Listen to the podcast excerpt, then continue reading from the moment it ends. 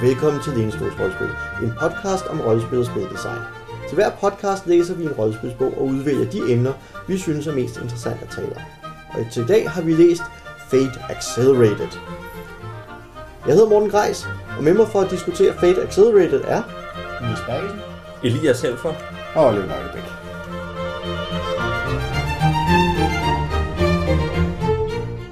Godt.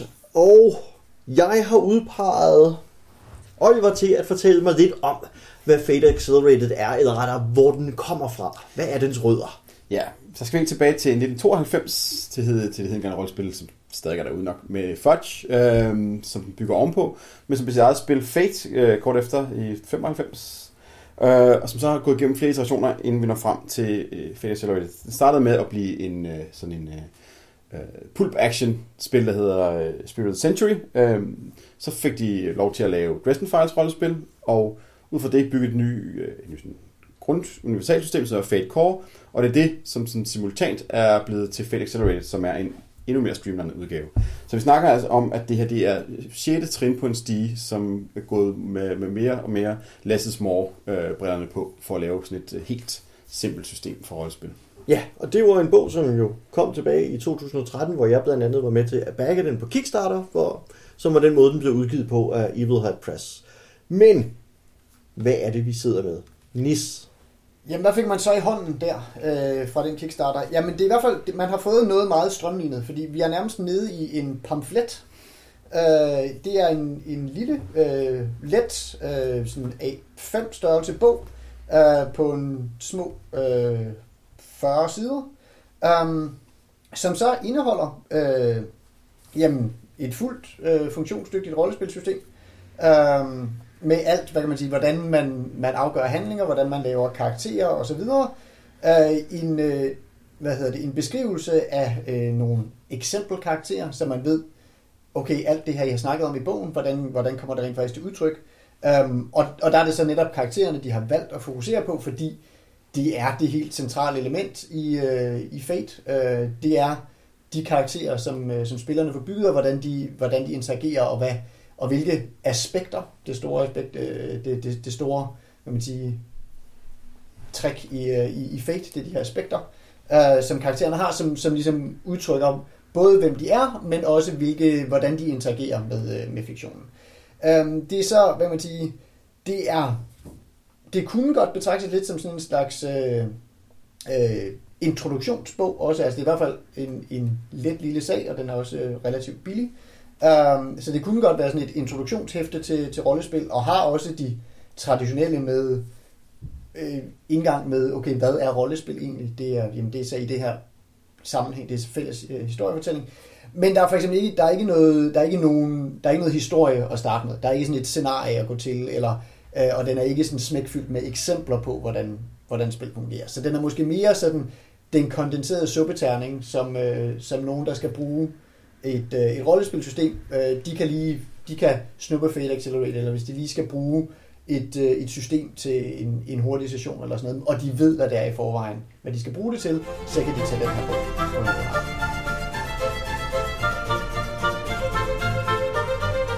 Godt. Så lad os følge op på at kigge på selve reglerne her i, øh, her i Fate Accelerated. Nis, du har allerede været inde på nogle aspekter, men jeg tænker, at vi kaster bolden over til en af vores øh, erfarne spillere ude i det.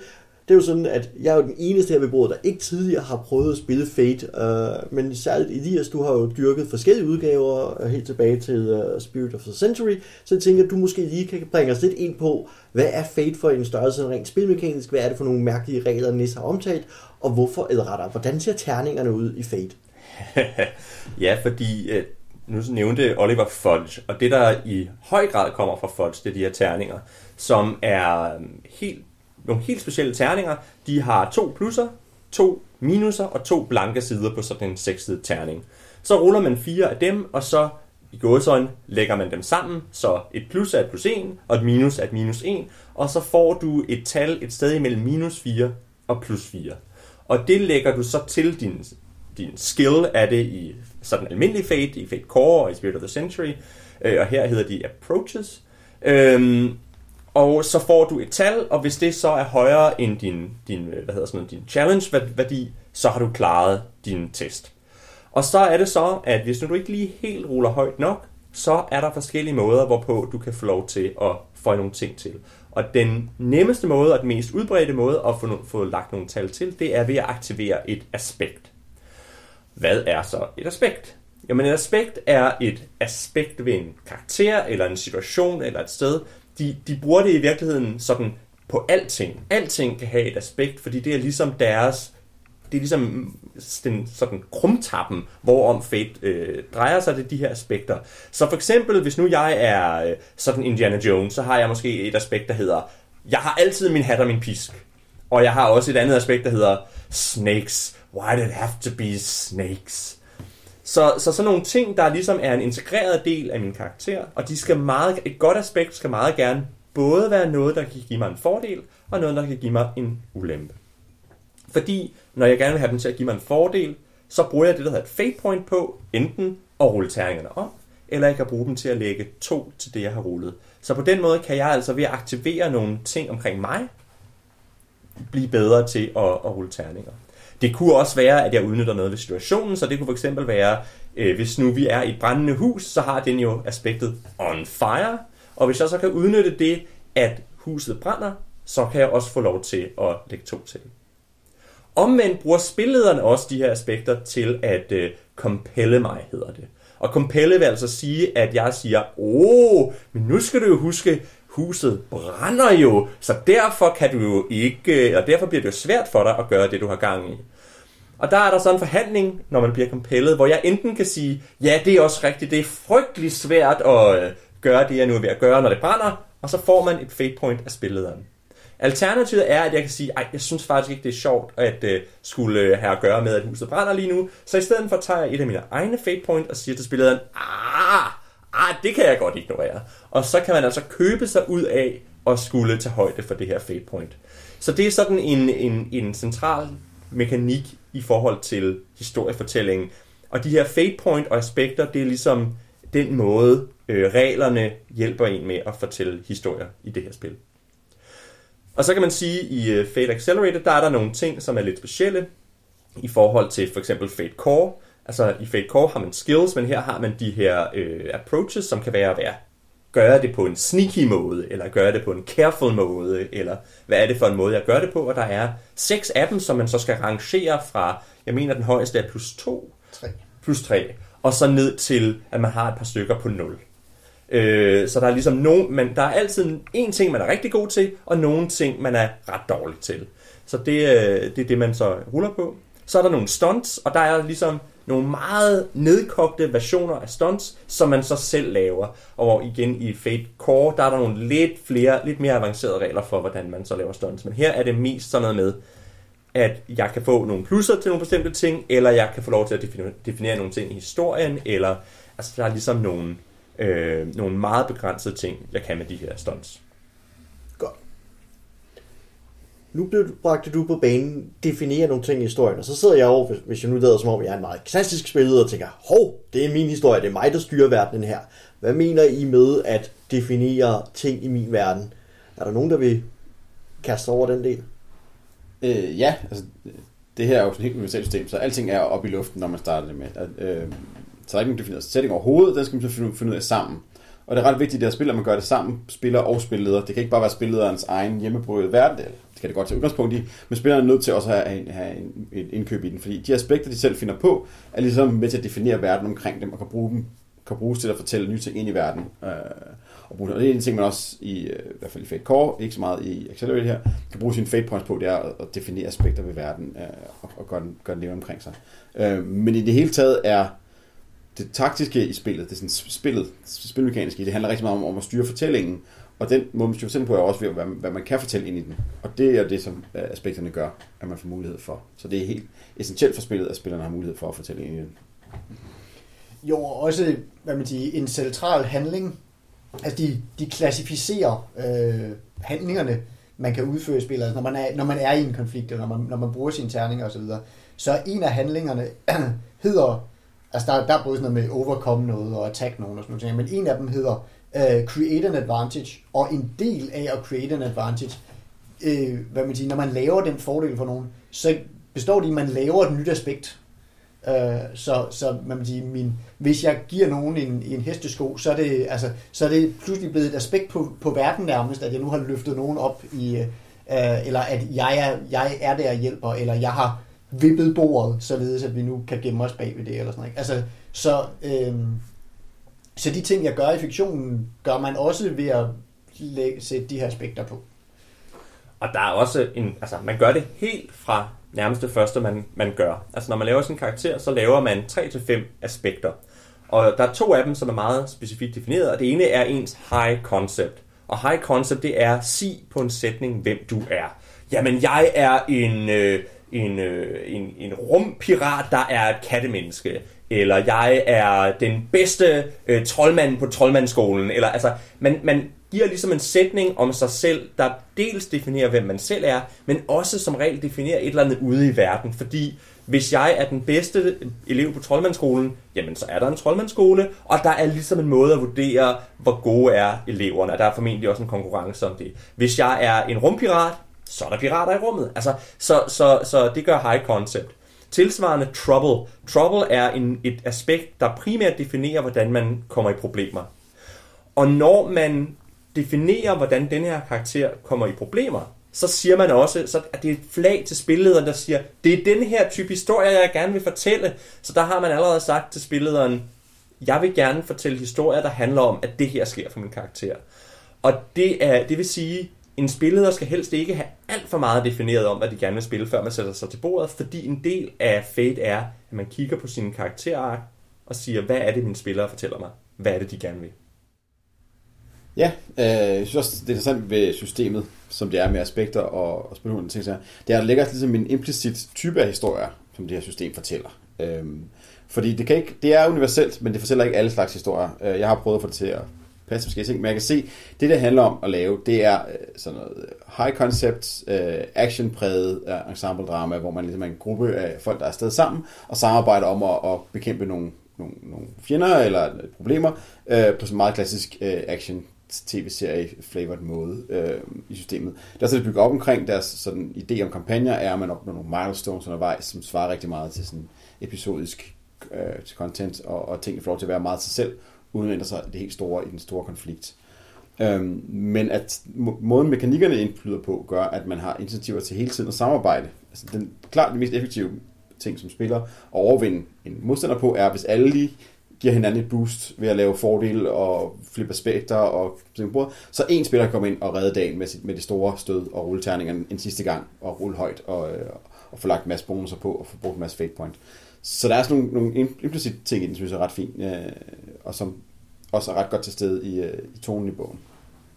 Okay, så for at bringe det lidt tilbage til de skills, vi snakker her, så har vi med en anden tilgang til skills i det system her, end hvad folk måske fra Dungeons Dragons, eller GURPS, eller Call of Cthulhu er vant til, hvor de siger, jeg har i Call of Cthulhu 30 skills, jeg har et for accounting, jeg har et for at skyde våben, jeg har et for at køre traktor. Og der har jeg nogle procentsatser. Øhm, det lyder mere som om her, at vi løfter det op på en anden måde, og I bruger skills anderledes her.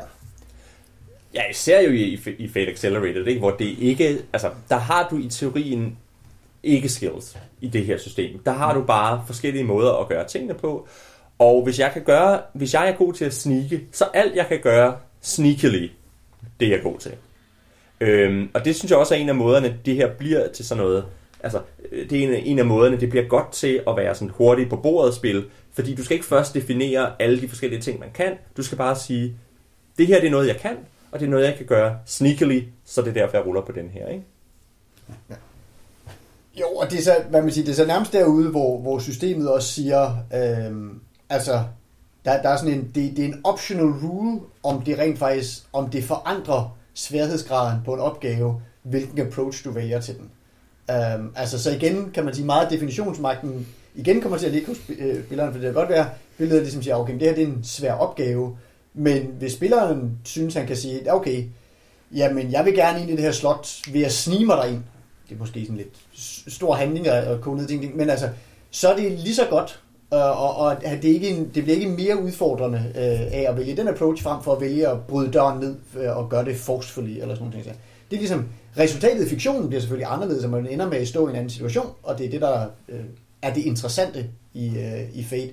Men sådan i forhold til den selve resolution-mekanikken osv., så, videre, så er det meget op til spillerne at selv sige, men så er det den her hat, jeg tager på, og, det er mig, og jeg gør nu ting på den her måde. Og der tror jeg, det er så der, hvor det kan blive, altså det sætter krav til gruppen også, fordi hvis du har, altså du, det kræver, at du har en, en spiller, som ikke gamer systemet og siger, nu er jeg sneaky, så nu gør jeg alting sneaky, hvor, som, som siger, åh, oh, det her, der er jeg nødt til at bare at slå om mig og være det modsatte af sneaky, jeg er nødt til bare at altså gå all in på det her, så det betyder, at jeg er nødt til at rulle min plus nuller. Og det øh, betyder sandsynligvis, at jeg fejler, så må vi se, hvad der så sker. Det bliver sjovt.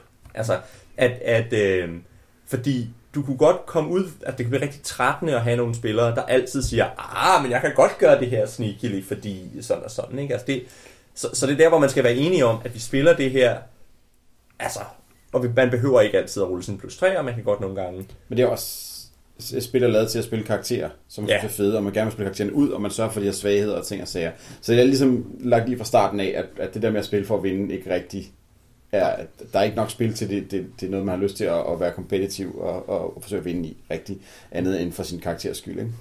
Det lyder også, som om, øh, som I beskriver det her, at det her ikke er et specielt dødeligt system. Vi har tidligere, i en tidligere episode jo været inde på Warhammer Fantasy Roleplay, hvor vi snakkede om, at eller det er nævnt i hvert fald, at man havde ikke lyst til at, at kaste ud i kampe, fordi det var meget dødeligt. Det her lyder ikke som om, det er dødeligt. Det her lyder som om, at man kan rimelig lidt let slippe afsted med også at fejle ting.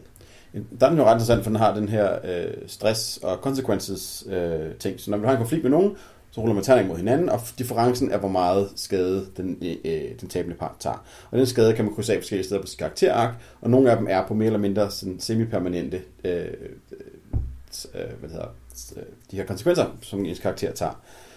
Øhm, så man fortæller ind i karakteren, så det bliver noget, du tager med senere, men det er ikke noget, du dør af, og det er ikke øh, sådan, øh, din karakter rykker ikke ud af historien, men til gengæld kan du løbe rundt med, med, med, med, med et øh, forstudet ankel rigtig længe, og skulle slås med med det, eller du er blevet småskør af at se et eller andet, eller et eller andet, som er med der. Og det, det gør det sådan ret fint narrativ skade ting i stedet for, øhm, i stedet for at være sådan direkte dødeligt.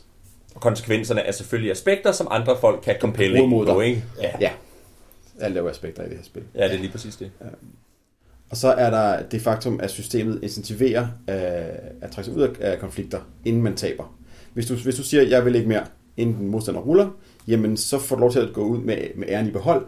Du får definitionsmagten til en vis grad over, hvordan du taber øh, og trækker ud.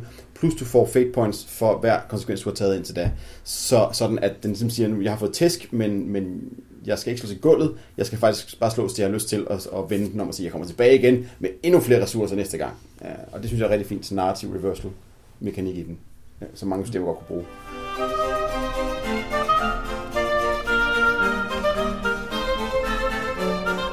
Så synes jeg, vi skal tage et kig lidt på, øh, hvad skal jeg sige, hvad historie man kan lave med det her. I har været inde på forskellige dele af, øh, altså forskellige genrer osv., eller forskellige eksempler, men, men hvad er det så for nogle historier, der kommer ud af det her? Fordi det ser ud som om, at Fate her har sin helt egen måde at gøre ting på. Så hvad er det for noget, man, man står med, når man, altså hvad fortæller vi for nogle historier med det system her? Altså det er jo, øh, der skal noget action på drengen, havde jeg nær sagt. Det er øh, action, det er pulp, det er eventyr.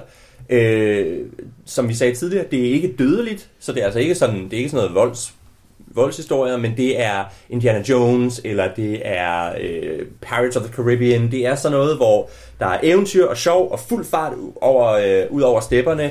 Øhm, der må gerne være netop en, nogle folk, der arbejder sammen. Altså, vi skal gerne have nogle helte, som, som nok har fejl og nok har svagheder, men de er dybest set gode på bunden. Og så har vi nogle fjender, som vi ikke skal tænke for meget over. Dem giver vi nogle tæv, og så øh, er alt godt til sidst. Ikke? Altså en Hollywood blockbuster. Det er i meget høj grad en Hollywood blockbuster, men ikke bare, altså for det, det er for eksempel, mm, og man, nej, man kunne sgu ikke lave Saving Private Ryan, det her, det er for, alt for alvorligt. Det er, som sagt, Pirates of the Caribbean, det er, det er øh, hvad hedder han, Indiana Jones, det er også The Princess Bride, det er, man skal have nogle klare karakterer, med, med, som er tydeligt skåret, øh, og som har både nogle gode og nogle dårlige sider, øh, og du skal have nogle, nogle konflikter imod gerne nogle fjender, som er også meget tydeligt skåret. De behøver ikke være meget, meget onde, men de skal i hvert fald være lidt onde, og så måske også en lille smule menneskelige. Ikke?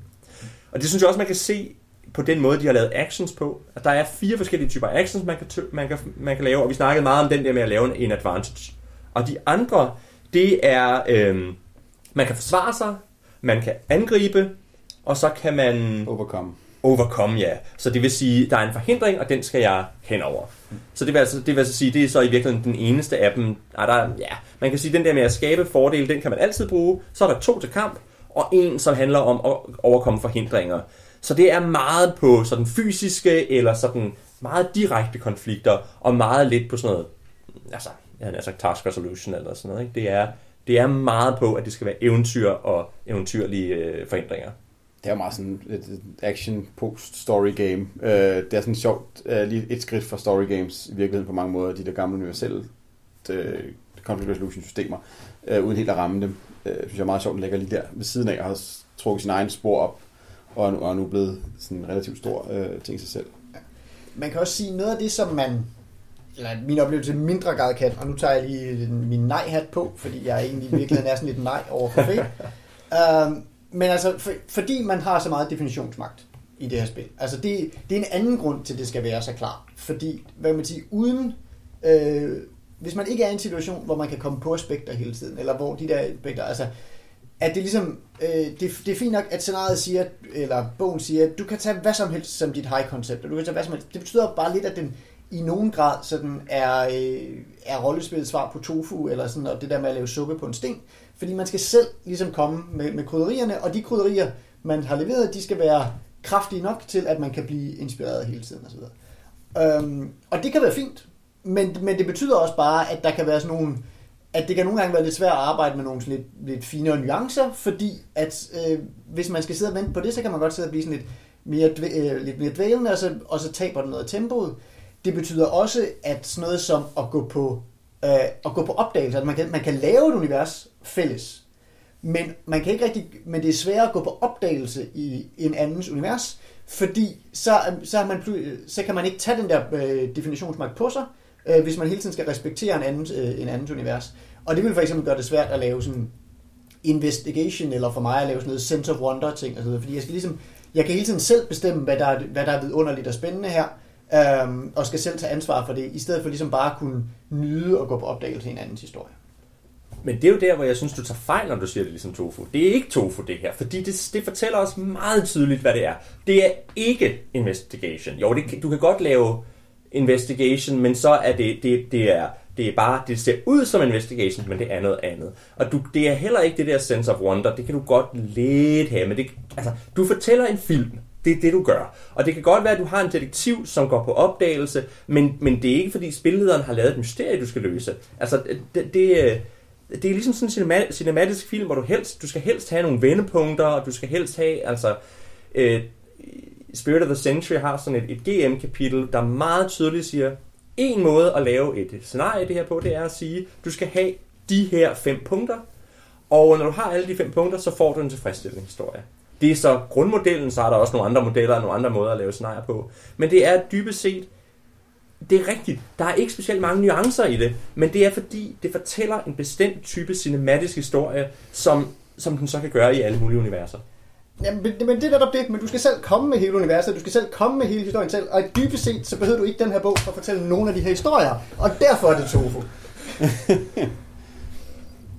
ja, der, jeg synes ikke helt, at det er sådan... Det bliver vi nok ikke enige om. Tror jeg, jeg synes nemlig, at, at systemet i sig selv er en måde at fortælle historien på, som du ikke kan gøre uden. Altså, jeg synes, det systemet og mekaniske interaktioner er det, som, som skaber den, den oplevelse, der er i den, og som gør, at, at den bliver, ikke bliver bland. Jo, den, er, den, den har ikke nogen farver. Den, den, uh, der, er ikke noget, der, er ikke noget, der er ikke noget flavor i den, men du, bliver trukket ind på et spor af en bestemt smag, som ikke nødvendigvis skal skrives ud med, med sætningbeskrivelser og, øh, og hemmelige plots. Men det gør den i stedet for gennem interaktionen mellem karaktererne og deres aspekter, øh, som er det, som øh, smagen kommer fra i stedet for. Ikke? Så måske er det ikke så meget smagen, så det, så det er teksturen, du, øh, du, du får med det her, med det her øh, produkt. Fate er kylling. ja, og jeg, jeg tror, og, og jamen, altså, både kylling og tofu, det kan sagtens tilberedes enormt lækkert. Det sætter jeg ingen spørgsmålstegn ved. Man kan vel også sige, at det system her er, i modsætning til visse andre systemer, som øh, er et, hvor spillet skal forvente at blive overrasket, fordi spillet kaster så meget mere ud i fællesskab, fordi spillet så virkelig har en, en karakter nærmest i form af, af settingen, som bliver påvirket lige så meget af ja, altså spillernes karakterer, som settingen påvirker dem. Det lyder i hvert fald, at det er den bane, vi er over i lige nu.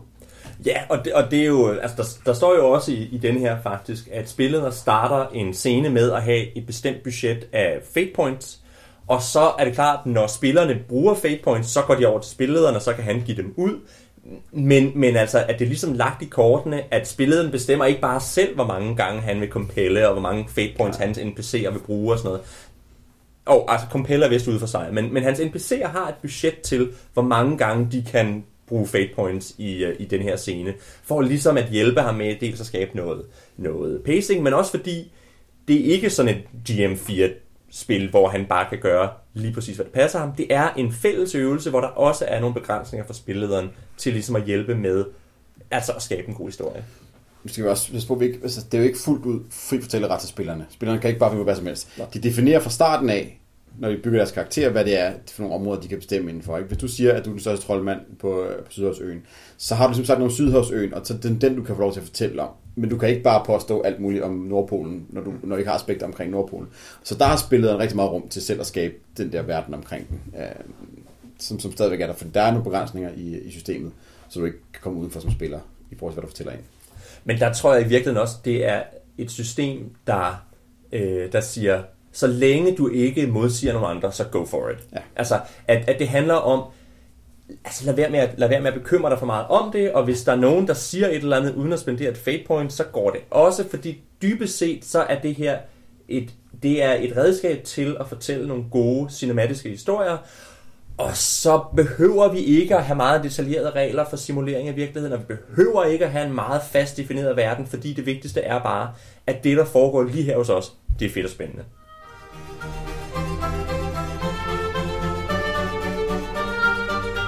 Afslutningsvis, synes jeg også, at vi skal kigge lidt mere, altså, hvad skal jeg sige, flytte fra Accelerated over til, til Core, fordi man, øh, vi har været lidt inde på, at, at Fade her, Accelerated er den korte form, og I bliver ved med også at falde tilbage på, at der er en Fade Core, og der er andre større, tykkere bøger, at det her det er den simple indgang her.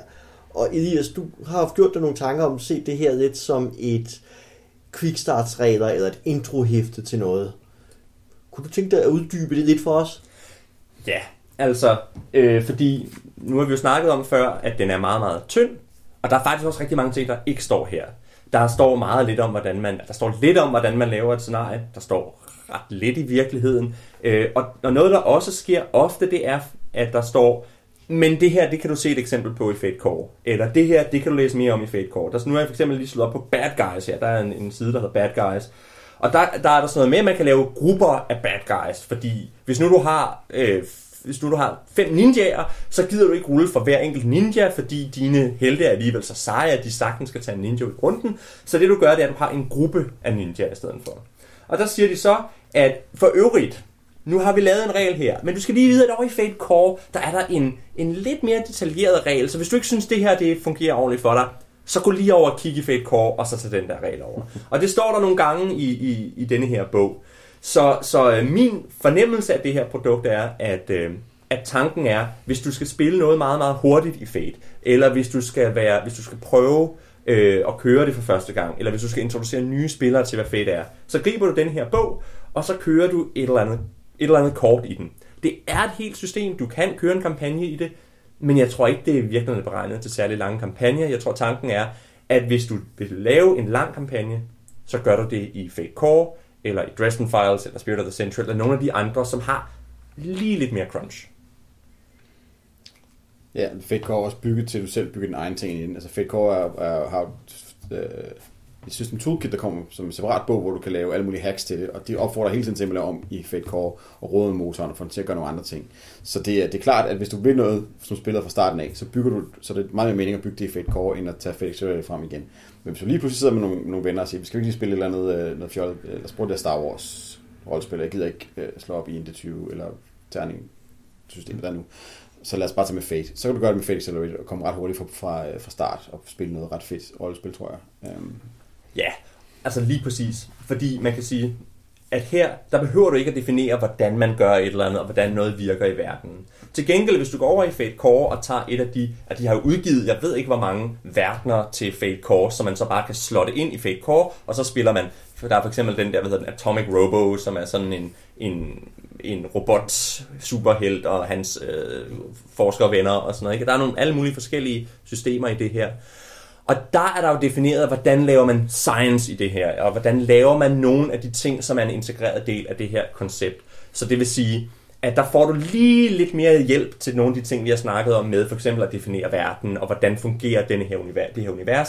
Det er lagt lidt mere ind i reglerne, når så du går over i, i Fate Core. Og du kan lave nogle stunts, som, som giver en lidt mere interessant effekt, og, og så videre. Ikke? Øhm. Og også altså den måde, den er, hvad kan man sige, den måde, den er redigeret på og så videre, den er sådan det, den er, den er lækker at læse, og den er fin, men, men den har sådan lidt nogle gange sådan et øh, uh, cart before the horse problem, hvor den sådan ligesom i sin begejstring over at fortælle, hvad der, hvad, du skal, hvad der sker med de her regler, så, fortæller den, så glemmer den lidt at fortælle dig reglen, før du ligesom er kommet igennem nogle ting. Og sådan noget. Altså, så den er ikke den, den nemmeste bog at, at læse, hvis man sådan tror, at man ligesom skal tykke sig igennem det, det fra starten, og så kan man ligesom prøve at, at, at spille efterhånden. Der er heller ikke nogen øh, Øh, eksempler på spil i den til ligesom at, at, at hjælpe en til, hvis man synes, det her det er nyt og mærkeligt, øh, enten fordi man ikke har spillet rollespil før, eller fordi man kommer fra en anden rollespilstradition, så er der ikke ligesom sådan et, der, de er gode til at sige, hey, øh, aspekter, dit high concept skal, skal kunne nogle forskellige ting, og det skal netop både kunne bruges aktivt og bruges til at compels imod der hedder. Men der er ikke sådan lige det der eksempel, der så viser deres fine Øh, high concept, hvordan det bliver brugt i spil, og netop både bruges aktivt som en, jeg er øh, den, skyggen, der er om natten, så derfor kan jeg snige mig øh, herind. Men lidt senere er jeg skyggen, der er om natten, så der er nogen, der overser mig, fordi jeg står der, og jeg ligesom er ikke eller jeg er ikke vågen om dagen, eller et eller andet. Ikke? Altså, at, øh, at der er ligesom de her eksempler på, okay, hvad betyder det rent faktisk? Øh, så den er ikke, man siger, det er ikke sådan en, en intro-bog. Det er mere sådan en, hov, jeg skal, øh, nogen har bedt, eller måske endda nogen har bedt mig om at spille noget, noget fate øh, ting i en eller anden sammenhæng. Jeg skal til en convention eller noget i den stil. Jeg må hellere lige sørge for at have, have mig et rent system under armen også. Eller sådan noget. Altså, så det, den er lidt sådan, øh, sådan svejterkniven for dem, der har gået til spejder og ved, hvordan de, hvordan de kan bruge ting. Jeg sidder og tænker, hvis jeg stadigvæk havde været øh, ungdomsskolelærer i rollespil, så vil jeg have taget den her med. For den er, altså, som et af de første rollespil, man, man, man lærer at spille, så som spiller, tror jeg, den er rigtig god. Det der med at have en spilleder, som ved, hvordan man bruger de der aspekter og så videre, og så bare sætte sig ned og sige, nu spiller vi i det her univers, det kender I alle sammen, hvad ved jeg, Last Airbender, eller Star Wars, eller hvad man nu gerne vil tage, Star Trek for den til skyld også. Ikke? Nu tager vi et univers, I alle sammen kender, og nu spiller vi i en kopi af det, og så får I selv lov til at bestemme, hvad I vil, og det kommer ikke til at ødelægge noget. Vi skal ikke bruge timevis på at lave karakterer. Det, det tager en halv time måske, ikke? så er vi i gang. Og så går vi i gang, straks i gang med at spille, og så får I fornemmelsen af, hvor, hvor fedt det her er. Ikke? Det tror jeg, det vil være rigtig godt til os. Det der med at sige, nu har vi nogen, som ikke, ikke forstår sig på alt det der crunch, der er i nogle rollespil, så nu skal vi bare ud over stepperne så hurtigt som overhovedet muligt. Det, det er det her godt til, tror jeg. Og det er interessant, fordi det er faktisk, uh, Fate Accelerated er blevet oversat til dansk. Og udgiverne bruger faktisk det her rollespil blandt andet til at spille med børn. Så de bruger det præcis på den måde, du faktisk tænker dig på, at du vil gøre det med som ungdomsskolelærer, men det bliver endda også allerede brugt med et yngre publikum, som også åbenbart meget nemt spiller ind i det system her, fordi med en erfaren spilleder øh, til at håndtere spillet, så sidder spillerne, øh, børnene og rollespillet og drøner der ud af, digter løs, kaster med terningerne, og spillet kaster så hindringer ind for dem undervejs. Så det fungerer øh, åbenlyst også ret godt faktisk for nye rollespillere, så længe der sidder en erfaren ved roret. Og det tror jeg gerne, fordi reglerne er simpelthen så simple, at dem, altså dem kan man forklare på kvarter nærmest sig, og så har man forklaret grundreglerne, og så er det bare lige at sige, ah, du skal lige rulle de der terninger, og så hjælper jeg dig lige med at lægge det sammen, og du, sådan, altså, så får du lige lidt hjælp, men ellers så har du forstået, hvad det her går ud på i meget, meget hurtigt, i modsætning til Call, eller Warhammer, eller Dungeons and Dragons, eller nogle af de der andre, som kæft, hvor kan det tage lang tid, før man overhovedet forstår, hvad der foregår. Ikke? Det spiller også ret godt ind i den måde, øh, spillet virker på ret godt den måde, som børn fortæller historier sammen. Det der med at sige, og, og, men så var jeg jo også lige, så bruger du Fate Point, så får du plus 2, fordi du også lige var, øh, hvad end fandt på der, du sagde, du var Max Pony, ikke? Bum, så får du plus 2. Det er nemt nok, så bare husk at betale for, at, at du var Max Pony, ikke? Og sige, hov, men du er jo faktisk en pony, så vil du ikke heller over have noget havre derovre, så får du en Fate Point tilbage. Så den måde, den, så, sådan sproget i den, tror jeg, passer rigtig godt ind til, til det yngre publikum også, den måde, de fortæller historier sammen på så tænker jeg, at denne her er også rigtig god til, også netop med, med hvis nu det for eksempel skulle være børn, at sige, at det gør ikke noget, at man finder på karakterer, der i, i virkeligheden har forskellige powerniveau. Altså, det kan godt være, at den ene er førsteårselev, og den anden er supermagus. De ruller de samme terninger, og det vil sige, at, at man kan rumme det. Man kan rumme, at du har nogle meget, meget forskellige karakterer i det samme univers.